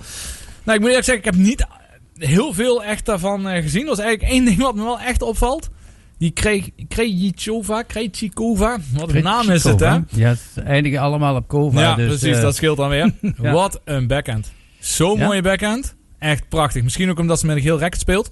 dat ziet er al wat flitsender uit. Maar ik heb zelden een dame met zo'n mooie eh, vloeiende backhand eh, gezien. Dubbelhandige backhand. En dat zag er echt fantastisch uit. Maar heel knappe overwinning. Heel cool. Zoals ook heel relaxed eigenlijk hoe ze reageerden na afloop van die wedstrijd. Net als dat in die dubbel. Daar heb ik de laatste aantal games wel live van gezien. Dus eh, heel knap van haar. Ben benieuwd. Het is eh, iets van de zevende keer op rij dat er een andere speelster eh, Roland ja, oké, dat is wat anders. De flipperklas noemen ze Ja, dat. dat, hè? ja, dat bedoel ik. Ja, dat wilde ik wel nog even zeggen. Dat het Maar wel ieder jaar dat- anders is. Ken je dat verhaal van eh Krejcikova? Nee. Toen ze nog een tiener was, een jong meisje van, van 10, 11, 12 jaar, had ze dat adres weten te vinden van Jana Novotna. Ja, dat is wel haar voorbeeld. Ja, en daar is ze gewoon naartoe gegaan en heeft tegen Novotna gezegd van ik wil graag eh, tennis, kun jij me dat leren? En die vond dat zo bijzonder dat ze toen is gaan coachen. En, ja. en tot Nou. 2017 is hij gestorven, daarom... eh, Oh ja, dat klopt, ja. Dat is bizar, hè? En vandaar, ja, 49 jaar was ze toen. En daar heeft ze de titel dus dan opgedragen. Ja. Maar die Novotna vond dat eh, zo aardig dat dat meisje bij haar aan de deur kwam en zei... Ja. Ik wil graag eh, goed, goed gaan tennissen, kun jij me dat leren? Nou, nu denk ik niet dat iedereen die zegt Nee, ik wil goed gaan tennissen ook daadwerkelijk dit niveau kan halen. Maar het is natuurlijk wel een heel bijzonder verhaal, Mhm. is dat zonder twijfel. Nou, dan eh, bij de mannen. Daar was het eh, Novak Djokovic die zijn 19e Grand Slam wist te winnen. En dat doet hij wel goede zaken, want hij komt nu eentje achter ehm, Nadal en Federer natuurlijk. Die hebben er allebei 20. Iets anders. Hij is wel op weg voor iets unieks. Namelijk de Golden Slam die eh, ligt op de loer. Heel, eerst even luisteren wat eh, Djokovic zelf zegt eh, nadat hem gevraagd wordt. eh, ja, de kansen die hij zichzelf toedicht op het halen van die unieke Grand Slam. So everything is possible, and I did put myself in a good position to to go for the the golden slam. But you know, uh, I was in this position in 2016 as well. Uh, but you know, it ended up in a third round loss in Wimbledon. Um, this year, I, we have only two weeks between the f- the first round of Wimbledon and the finals here, which. Um, is not ideal because you go from really two completely different surfaces uh, and, and trying to make that transition as smooth as possible and as, as quickly and efficiently as possible. Um, so Ja, dus dat is ehm, Djokovic, eh, die nu inderdaad het eerste twee Grand Slams van het jaar heeft gewonnen. Een Golden Slam is als je ook de Olympische Spelen erbij bent. Oh. Ja, dat is de Golden Slam. Steffi Graaf heeft dat een keer eh, voor elkaar gekregen. Mhm. En de, de echte Grand Slam waarin je dus vier toernooien, Ja. vier Grand Slams in, het, in hetzelfde kalenderjaar wint. Dat is denk ik alleen iets wat de Rod Lever ooit eh, voor elkaar heeft eh, gebokst. Maar Djokovic Ja? is Niemand nu... anders? Nee, volgens mij Nee? niet. Nee, eh, Djokovic is nu wel eh, hard op weg eh, daar naartoe. Maar laten we dan heel even hebben over zijn laatste twee wedstrijden. Die halve finale tegen Nadal en de finale gisteren tegen Tsitsipas. Waarbij hij in totaal 9 uur op de baan heeft gestaan binnen 48 uur. Philip, eh, ja, probeer maar eens te omschrijven. Ja, dat is heel moeilijk. Zeker de eerste wedstrijd eh, tegen Nadal. eh, ja, er zijn geen woorden voor eigenlijk. Had je moeten zien. Eh, zo, zo schitterende sport, schitterend tennis. ook al hou je niet van tennis, dat had je toch... niet voor de buis weggehaald. Nee. Dat was, eh, daar zijn eigenlijk geen woorden voor. eh ze waren zo goed, alleen het het doorslaggevende was, de, de- denk ik, de conditie op de laatste, na, na vijf eh, sets, werd eh Nadal toch wel ietsjes Mhm. vermoeid. Waardoor die wat meer fouten ging maken. Voor de rest, ja, ze hadden ook, als die vermoeidheid er niet was gekomen, hadden, hadden ze twee dagen in één stuk kunnen doorspelen. Ja. Plus daar stroomt echt volgens Mhm. mij gewoon ijs door de aderen van eh, Djokovic. Hè. Die mentale hardheid van hem is ongelooflijk. Zo'n Nadal die wordt natuurlijk ook moe van dit spel. eh, maar ik denk ook dat gewoon in je hoofd gaat zitten. Ja, je kunt tegen Djokovic, zoals je zegt, twee dagen blijven spelen. Mhm. Maar je stopt gewoon niet. Nee. En dat, dat is ook wat Tsitsipas wellicht ondervond. eh, na die twee gespeelde sets in de finale. Waar eh, Tsitsipas die won dus met 7-6. Eh 8-6 die tiebreak was erg spannend. Was één setpunt ook voor Djokovic. Maar uiteindelijk het tweede setpunt voor Tsitsipas was dan raak. Tweede set verrassend ging 6-2 naar Tsitsipas. En waar dan de gemiddelde tenniskijker wellicht denkt van... Nou, die Tsitsipas gaat zijn eerste Grand Slam pakken. Zijn de doorgewinterde tenniskijkers, zoals Filip en ik. die hadden natuurlijk wel iets van... Ja, wacht even. Die Djokovic, die kun je van zijn lang zal zijn leven niet... eh, ja, erop betrappen dat hij een wedstrijd gaat eh, laten lopen. En dat was ook wel echt eh, wonderbaarlijk hoe sterk dat hij is teruggekomen. Ja, en die tweede set zag je het vooral al. Ja. Het, het strategische wat hij in zich heeft ook. Dat heeft hij veel meer als, als, als Federer en... eh, Nadal. en- en- Ja, en die hebben meer een En- eigen spel. Een eigen spel. En hij leest ook hij leest Ja. zijn tegenstander. En, Ja. en hij maakte dan zo'n indruk. Hij is niet de sympathiekste man. Nee. Maar door zijn uitstraling, door zijn gedrag, door alles... probeert hij toch stiekem in de, tussen de oren van de tegenstander te kruipen. Zodat die gaat denken van... hm, zou die misschien moe zijn? Zou die misschien dit? En die is dan al bezig, al terwijl hij achter staat... met de volgende, tweede en de derde en de vierde set. Eh, te- te- voor- gewoon aan het voorbereiden. Dus, eh, plus, het is een geweldig atleet. Kan heel goed tennissen dus. Maar ook dat strategische Ja. wat hij wat hij heeft, dat is eh, gewoon het breken van de tegenstander. Ja. Dat komt zeer onsympathiek over, zijn uitstraling. Maar Zeker. Maar als je, dat, als je dat zou kunnen wegcijferen, denk ik dat het de beste tennisser is. Ja, nou, als je mij vraagt, inderdaad, Mhm. wie is uiteindelijk de beste, beste tennisser ooit? Dat gaat gewoon Djokovic worden. Ja. Want die gaat meer Ja. Grand Slams winnen dan eh Federer en eh, Nadal, eh, verwacht ik. En Mhm. ook als je gewoon naar de cijfers kijkt betreffende Masters toernooi en alle. En weken op nummer 1, noem het maar op. Hij, zo- hij gaat overal één worden. Ja, ja. Hij is, Maar- pas, is pas 33. Vanwege zijn hele uitstraling natuurlijk. En gaat Ja. het hem niet lukken om een Nadal en Federer te overstijgen betreffende charismatische Nee, mannen. nee. Zonder Mhm. twijfel, ja. Wat hij dan wel heel mooi deed toevallig. eh, na afloop gaf hij zijn, ik weet niet of je gezien hebt, maar na afloop gaf hij zijn eh racket aan een jonge fan. Nou, eerst was het zo dat hij na de eerste rij liep naar een jongen en die gaf hij een high five en een knuffel. En later heeft hij die jongen ook een, eh, een racket gegeven. En waarom was dat? Hij kende die jongen helemaal niet. Maar hij was de hele partij was hij in het oor het schreeuwen van Djokovic. Want die zat echt heel dicht achter het bankje eh, waar ze doen wisselen. En hij was hem ook de hele tijd tactische tips aan het geven, dat jonge jongetje. Zoals van, nou, hou je service, sla even een makkelijke eerste bal en dicteer daarna de rally. Hè. Ga naar zijn backhand toe. Dus dat was hij allemaal aan het roepen tegen Djokovic. En Djokovic vond dat echt zo aardig van hem, dat hij zei, ik voelde dat hij de meest aangewezen persoon was om een racket te geven, als dank. nou, dan denk ik, dat is dan toch wel heel eh, leuk Ja, dat ja. je daar in zo'n finale nog eh, ja, oog voor hebt. En dan na afloop eh, naar die jongen toestapt om hem eh, daarvoor te bedanken. Maar ja, echt fantastisch. En, en nog als laatste hierover. Het verdedigende werk van een Djokovic, maar ook een Tsitsipas. Tsitsipas Het gaat wel. helemaal nergens meer over. Hè? Als je ziet waar de jongens ballen moeten halen. En ze Mhm. leggen alles zo diep tegen die baseline aan. Ja. Waardoor ze in totaal geslagen positie iedere keer opnieuw weer erin komen. In die rally komen. En dat is waanzinnig. Ik had zelf op eh, mijn eh, social media even gepost dat na het zien van de finale van halve finale tussen eh, Djokovic en Nadal. eh, dat ik uh, gekscherend zei van dat het eigenlijk verboden zou moeten worden. Want als ik nog zou tennissen eh, en ambities zou hebben op dit moment, zou het kijken naar dit soort wedstrijden mij eerder ontmoedigen dan dat het me zou inspireren om ook zo goed te worden. Want als je dit ziet, dan denk ik bij mezelf, ja, je kunt zo hard eh, trainen en zoveel trainen als je dat je wil. Maar dit niveau is gewoon eh, Ja.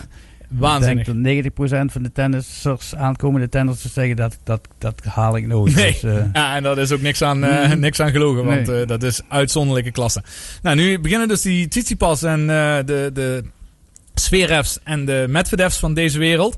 begint natuurlijk wel heel dicht in de buurt komen. Ja. Het zal de komende twee, drie jaren, voorspel ik, heel spannend worden tussen die generatie. Net zoals deze finale. Ja, en dan over drie jaar, dan verwacht ik toch wel dat de, de Tsitsipas eh, de, het stokje langzaam maar zeker gaat overnemen als het gaat om eh, Grand Slam overwinningen. Maar in ieder geval ja. nog steeds genoeg tijd Mhm. voor een Djokovic om... eh, ja, Zeker die, Djokovic, ja. Zeker Djokovic Mhm. inderdaad, om eh, die, die teller nog even uit te breiden en richting de nou, 3, 24 eh, Grand Slams eh, te gaan. Nou, dat zou heel knap zijn. Maar hoe dan ook, niks dan eh, respect. In ieder geval voor het tennis wat er op Roland Garros te zien was. Echt, echt een aanwinst, of niet een aanwinst, maar echt een reclame voor de sport.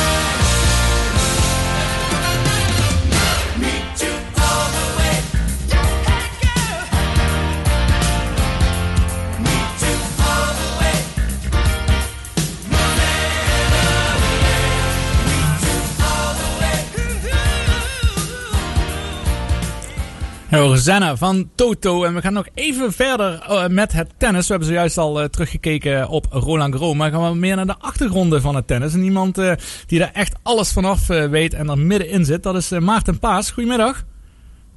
Goedemiddag, Jos. Hey Maarten, ja, ik zal je even eh, eh, introduceren. Want eh, Maarten is dus eh, proftennisser geweest eh, vroeger. Speelde in de jeugd al bijvoorbeeld tegen een Roger Federer. Eh, tegenwoordig tennistrainer. En een enorme voorvechter voor een beter tennisklimaat in Nederland. En eh, eigenlijk zou je Maarten best wel een opiniemaker ook kunnen noemen. Omdat hij zeker geen blad voor de mond neemt als het gaat om eh, ja, wat er beter kan in het Nederlandse tennis. En daar heeft hij ook kracht bij gezet door eigenlijk een nieuw platform op te starten. Genaamd toptennismateriaal.nl. En eh, ja, Maarten, toptennismateriaal. Wat heeft je ertoe gezet om dit te starten? En wat is het eigenlijk? Nou, laten we het eerst ja, eh, noemen als een tenniscommunity. Ja. Eh, we willen natuurlijk eh, tennismensen verbinden in Nederland die graag op eh, tennisinhoud gaan. En waarom ik het heb opgericht? Omdat ik vond dat eh, ja, het bureau van de KNLTB toch wel redelijk eh, ja, dominant te noemen is in het Ne- Nederlands tennis. Zeker op sportief gebied. En eh, daar kunnen we denk ik wel een hele radiozender over eh, eh, vullen. Van, van, wat daar allemaal ja, misschien beter kan of anders kan of wat dan ook. En ik, mijn gedachte erachter was om een online platform te beginnen. Waar we in ieder geval eens wat dingen ter, ja, ter sprake konden stellen. En waar we met tennis in Nederland eigenlijk ja, in, ja, in conversatie gaan. Dat doen we op verschillende manieren. Dat eh, doen we door middel van een blog. Dat doen we door middel van live eh, Instagram eh, sessies. Om met experts uit te nodigen. Hoe het in de andere landen gaat. Ja, allerlei, eh, allerlei dingen gewoon om, eh, ja, om, eh, om tennis in Nederland weer een beetje wat meer ja, in een bepaalde richting te gaan. En welke richting is dat? Dat het meer om, de, ja, om het tennis weer gaat. In plaats van ja, allerlei andere zaken die niet met tennis te maken hebben. Ja, hoe zijn de reacties? Eh, want ik zag eh, bijvoorbeeld, je had zo'n eh, Instagram live met Raymond Sluiter onder andere gedaan. Wat natuurlijk een grote naam is nog steeds binnen het Nederlandse tennis. Maar ook op de Instagram pagina, ja, binnen een hele korte tijd richting de 1500 eh, volgers. Krijg je positieve reacties? Ja, we krijgen heel veel positieve reacties. En helaas wel nog vaker, ook vaker onder de radar. Want er bestaat toch wel een... dat is een van de redenen waarom ik zelf het initiatief heb genomen. Omdat er toch vaker eh, ja, een bepaalde angst is om, eh, om bepaalde dingen te zeggen. Eh, wij zijn helemaal niet uit om eh, ja, persoonlijk te worden of wat dan ook. ook niet, ja, ik heb ook helemaal niks tegen een KNLTB, want eh, ze hebben gewoon een belangrijke functie in tennis in Nederland. Maar ja, we moeten wel wat directer worden. En de reacties zijn over het algemeen dat ze heel erg van de inhoud gecharmeerd zijn. Ja, wij hopen natuurlijk dat, dat tennis in Nederland ook vanuit die inhoud die bij ons voor ons platform wordt weergegeven, dat we daar ook proactief in worden. En daar zijn we dit weekend bijvoorbeeld, komt gisteren van een inter, eh, ja, we hebben daar een, eh, een, eh, met leraren bij elkaar zijn we gekomen. Zijn we samen de baan opgegaan en gewoon tennisinhoudelijk een aantal dingen, dingen besproken.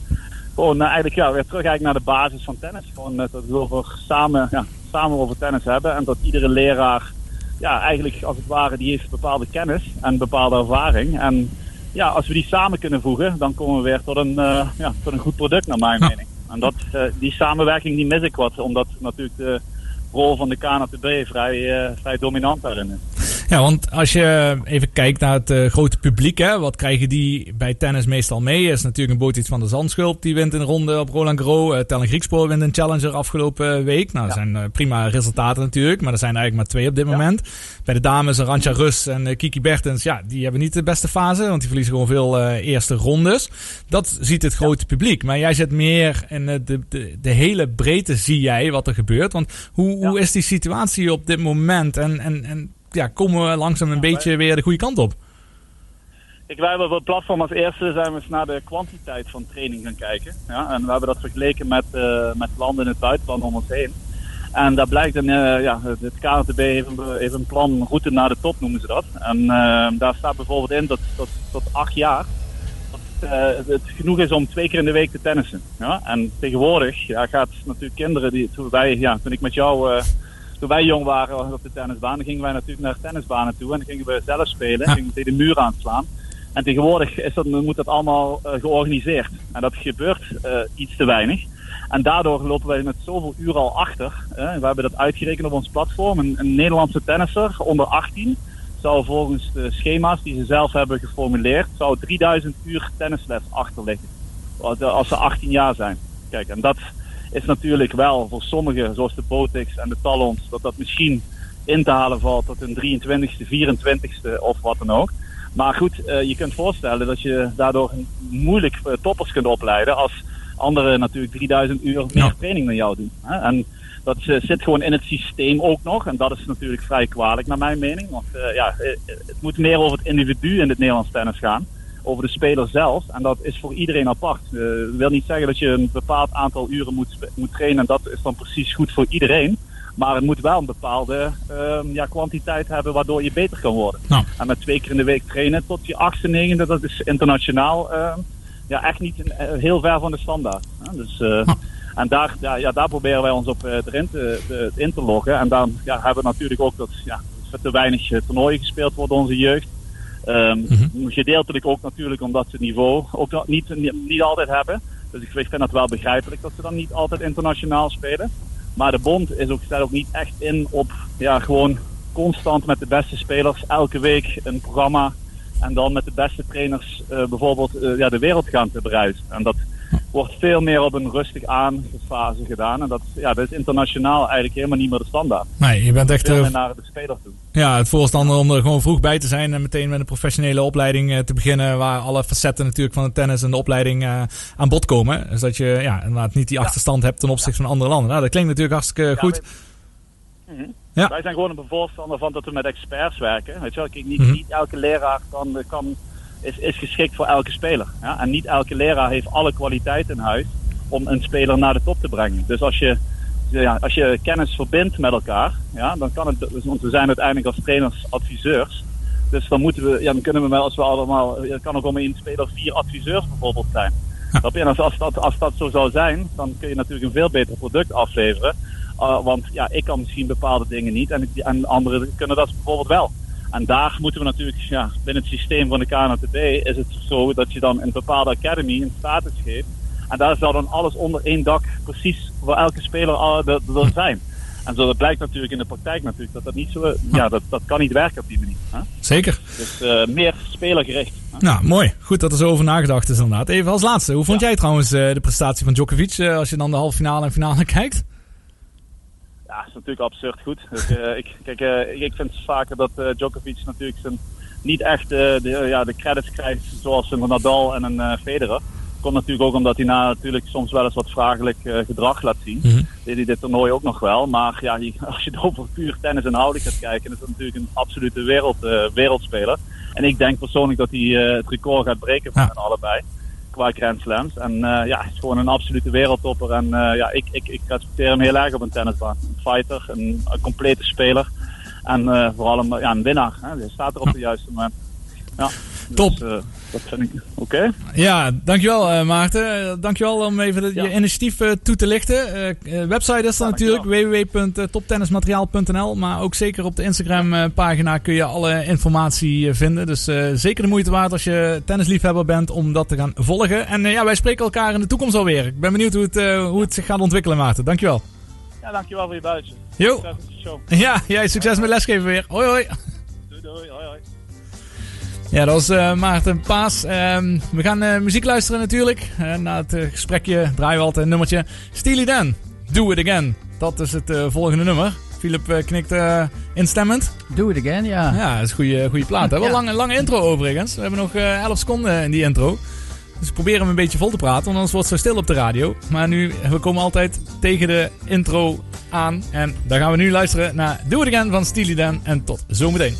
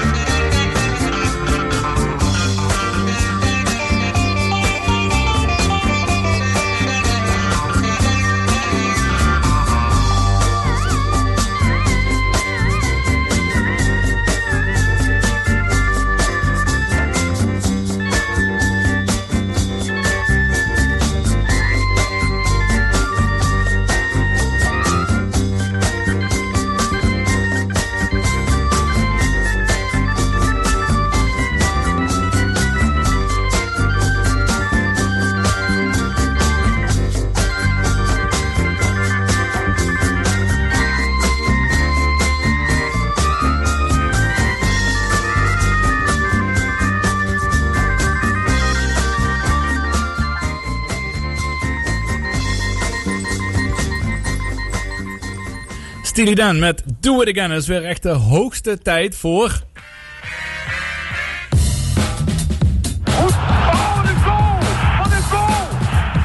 Timmertje, Timmertje, wat ga je doen? En hij staat! Ik staat! Het is ongekend! Daar gaat hij Ippon en neemt hem over. Goud is er voor Mark Huizinga. Het sportmoment van de week. Kijk, we hebben ongeveer nu zo'n eh, 35 afleveringen hebben gemaakt. En van de vorige week natuurlijk precies eh, de inhoud van, het, eh, van de hele show. En er zijn natuurlijk momenten waarop je echt zo naar uit aan het kijken bent. Hè? Bijvoorbeeld toen we Thijs Sonneveld deden bellen in de uitzending. Dan weet je gewoon, ja, daar ben je een beetje naartoe aan het werken. Want je weet gewoon dat dat een hoogtepunt van de show eh, gaat worden. En nu is precies hetzelfde moment. En daar ben ik al de hele dag maar op aan het verheugen. Op het sportmoment van de week van Philip. En eh, Philip, ik heb daar zelfs een, eh, een geluidsfragmentje bij. Goed luisteren.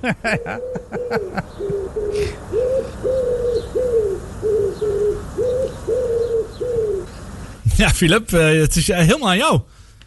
Nou, zoals altijd, sportmoment van de week kom ik eh, met, met zeven suggesties. En alle zeven suggesties worden meestal dan afgewezen, omdat ze toch wel besproken worden en niet direct nodig zijn, enzovoort, enzovoort. Dus ik dacht deze keer van dan doe wel eens iets heel aparts waar eh, hij niet tussen komt. En mijn oog viel daarbij in de krant op eh, duivensport.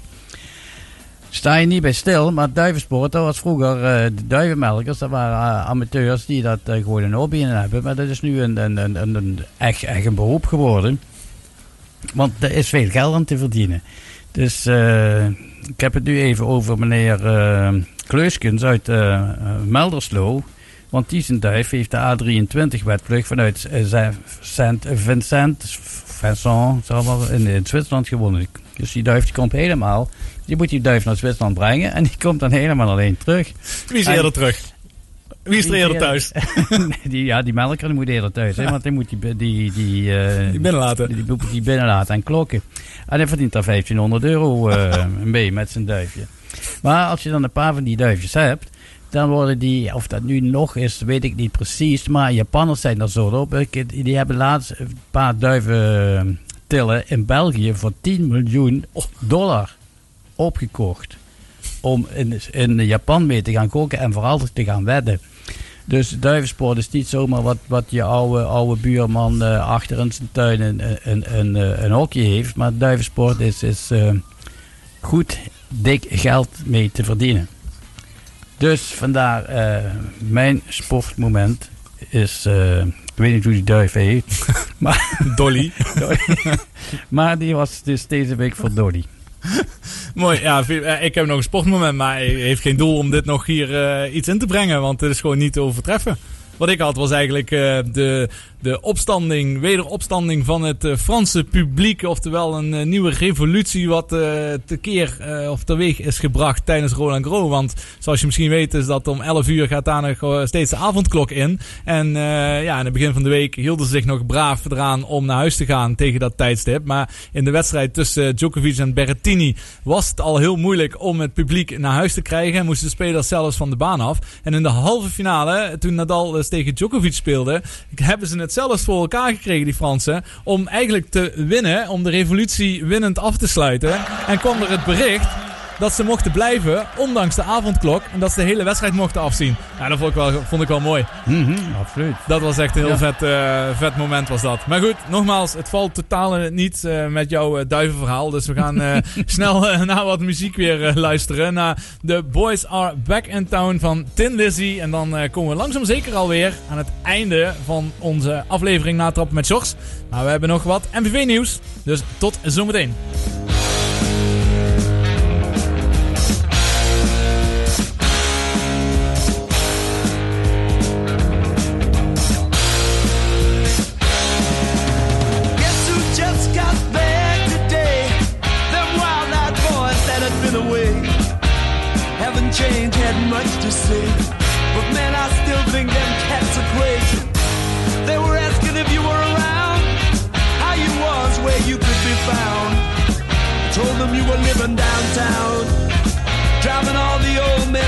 Yeah.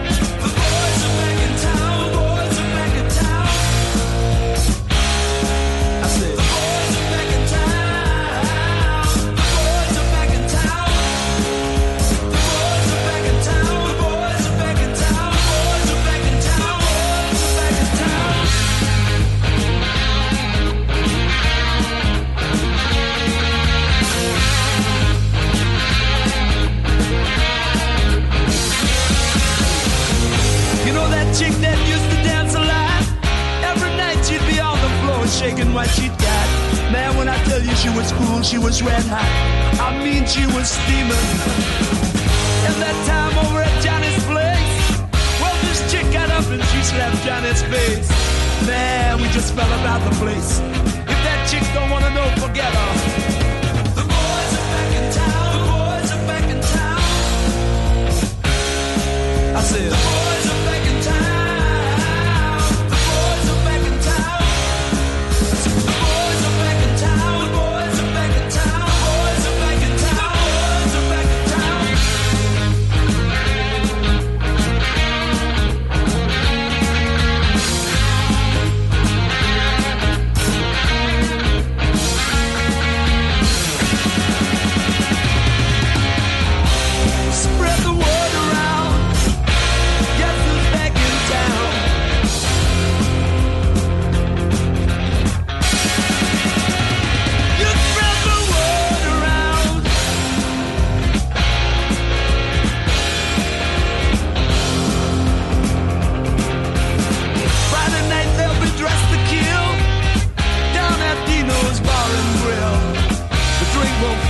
blood will spill.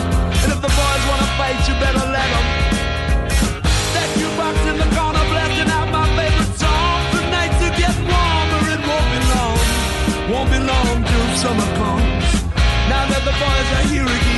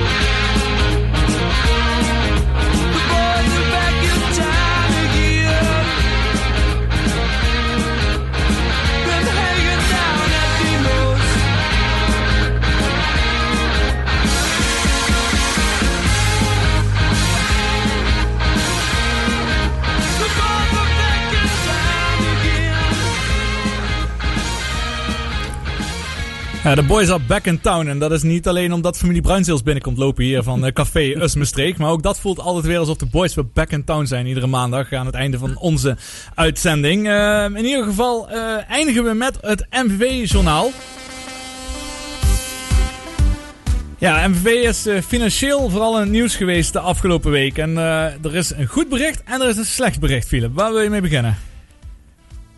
Slecht bericht. Het slecht bericht. Nou, dat is in ieder geval dat de rechtbank in Roermond heeft bepaald dat de tweede termijn van de aangevraagde NOW-regeling definitief niet wordt toegekend aan MVV. En eh, Dat is een oud bericht. dat is een oud bericht van afgelopen week. Vorige week eh, tijdens de uitzending was dit nog niet bekend. Maar het betekent wel gewoon eh, dat er een bedrag van 250.000 euro niet wordt eh, Mhm. uitgekeerd aan MVV. Omdat ze gewoon te laat waren eh, met, het, eh, aan, met de aanvraag. Ja, is toch een beetje het vinkje van Haller. Als je het mij vraagt. Ja, absoluut. Schandalig. Ja, stom. Echt schandalig. Ja. Schijnt dat verantwoordelijk ook al thuis zit. eh, toch? al een tijdje. Ja. Maar in ieder geval is dit echt Ja, belachelijk. Dat, dat, doe je, dat doe je niet, nee. En dan kun je wel zeggen dat het allemaal geen eh, invloed heeft op de financiële of op financiële problemen van MVV of op de begroting, omdat het allemaal niet was bij eh, inge- ja, Ja, ingecalculeerd. maar het is wel 250.000 euro, hè? En het hoort bij je werk, hè. Ja. Dus eh, het is heel normaal dat je zoiets doet. Kun je een paar goede, goede spelers voor aanschaffen voor dat bedrag wat er is. Dus eh, ja, Mhm. echt, echt waar, schandalige fout vanuit MVV. Dat gewoon 250.000 euro wegvalt. gewoon dat ze dat mislopen. Echt bizar. Nou, dat is ook goed nieuws. ja. Dat kwam vandaag eh, binnen. Oh, MVV ja. heeft een nieuwe hoofdsponsor. Zo? Ja, Supergame eh, heeft een, eh, contract, is een contract aangegaan als hoofdsponsor. Is een amusementsbedrijf, gevestigd in Maastricht en in Valkenswaard. En dat is dus Gokhal. Ja, ik kan heel simpel zeggen. Blijft een gok, hè? hoogsponsor van MVV worden. Voor alle twee, ja. ja, ja, maar je zou denken, zij weten wel iets van gokken af. Dus laten we hopen dat zij eh, hier in ieder geval de goede keuze eh, Waar maken. Maar voor MVV is het natuurlijk goed nieuws. Waar zitten die in Maastricht? Eh, dat durf ik je niet te zeggen. Volgens mij is het het oude Fairplay eh, Center eh, bij de markt. Is dat niet tegenwoordig het eh, Supergame? Of het zit misschien bij de McDonald's aan Gronsveld. Daar, is, daar is ook zo'n eh, casino-achtig.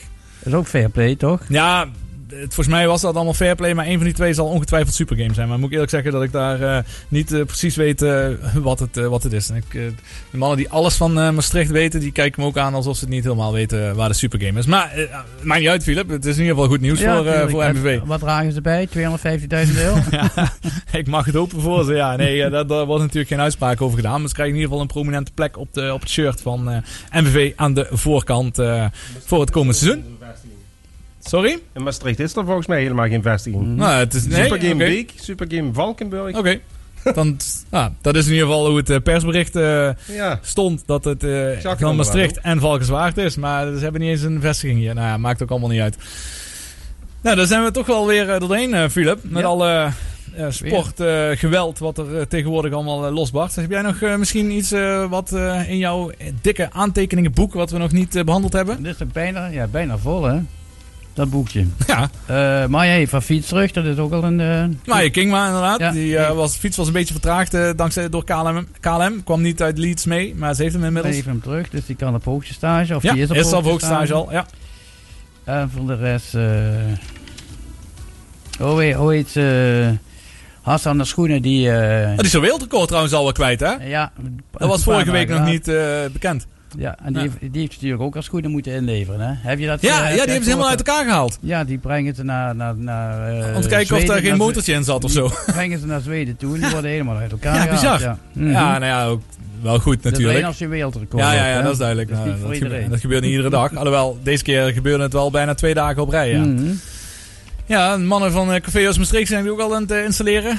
Bijzondere uitzending vanavond hier. Eh, deze week eigenlijk niet zo heel speciaal, gewoon normaal. Maar volgende week wel, want dan hebben we Georges. En die blijft lekker zitten bij ons. Want volgende week om 6 uur is waar. natuurlijk het EK tegen. En dan moet ik even Georges aankijken. Noord-Macedonië. Noord-Macedonië. En ja, wij in Uit. het café. Altijd hier, lastig. Altijd lastig. Zetten hier een groot scherm in het café. En onze eigen Georges, de verslaggever van RTV Maastricht natuurlijk, sportverslaggever. Die komt gezellig bij ons café zitten. Zeker, zeker. Als jullie wat eh, versnaperingen hebben in het café, dat is altijd denk ik toch? Altijd, hè. Nou, Altijd heel lekker, goed. dat weet je. Dan gaan we eens kijken. De start is in ieder geval veelbelovend. Eh, wat vond je zelf gisteren? Ja, veelbelovende eerste kwartier, maar daarna zakt het een beetje weg. Maar goed, eh, stom dat ze 2-0 weggeven. Dat is natuurlijk altijd Ja, dom, denk ik. Hè. En eh, gelukkig weer gewonnen. Dus op naar de volgende. Zo is het. En dat is dus eh, aanstaande donderdag tegen Oostenrijk om 9 uur s avonds weer in de Johan Cruijff Arena. En dan eh, volgende week maandag om 6 uur de start uit tegen Noord-Macedonië. En dan gaan we er zeker vanuit dat de zaterdag erop in de actiefinales gespeeld gaan worden. Nou, veel plezier dadelijk met Café Us Maastricht. En wij spreken ons weer volgende week. Bij autobedrijf Ploemen in Meersen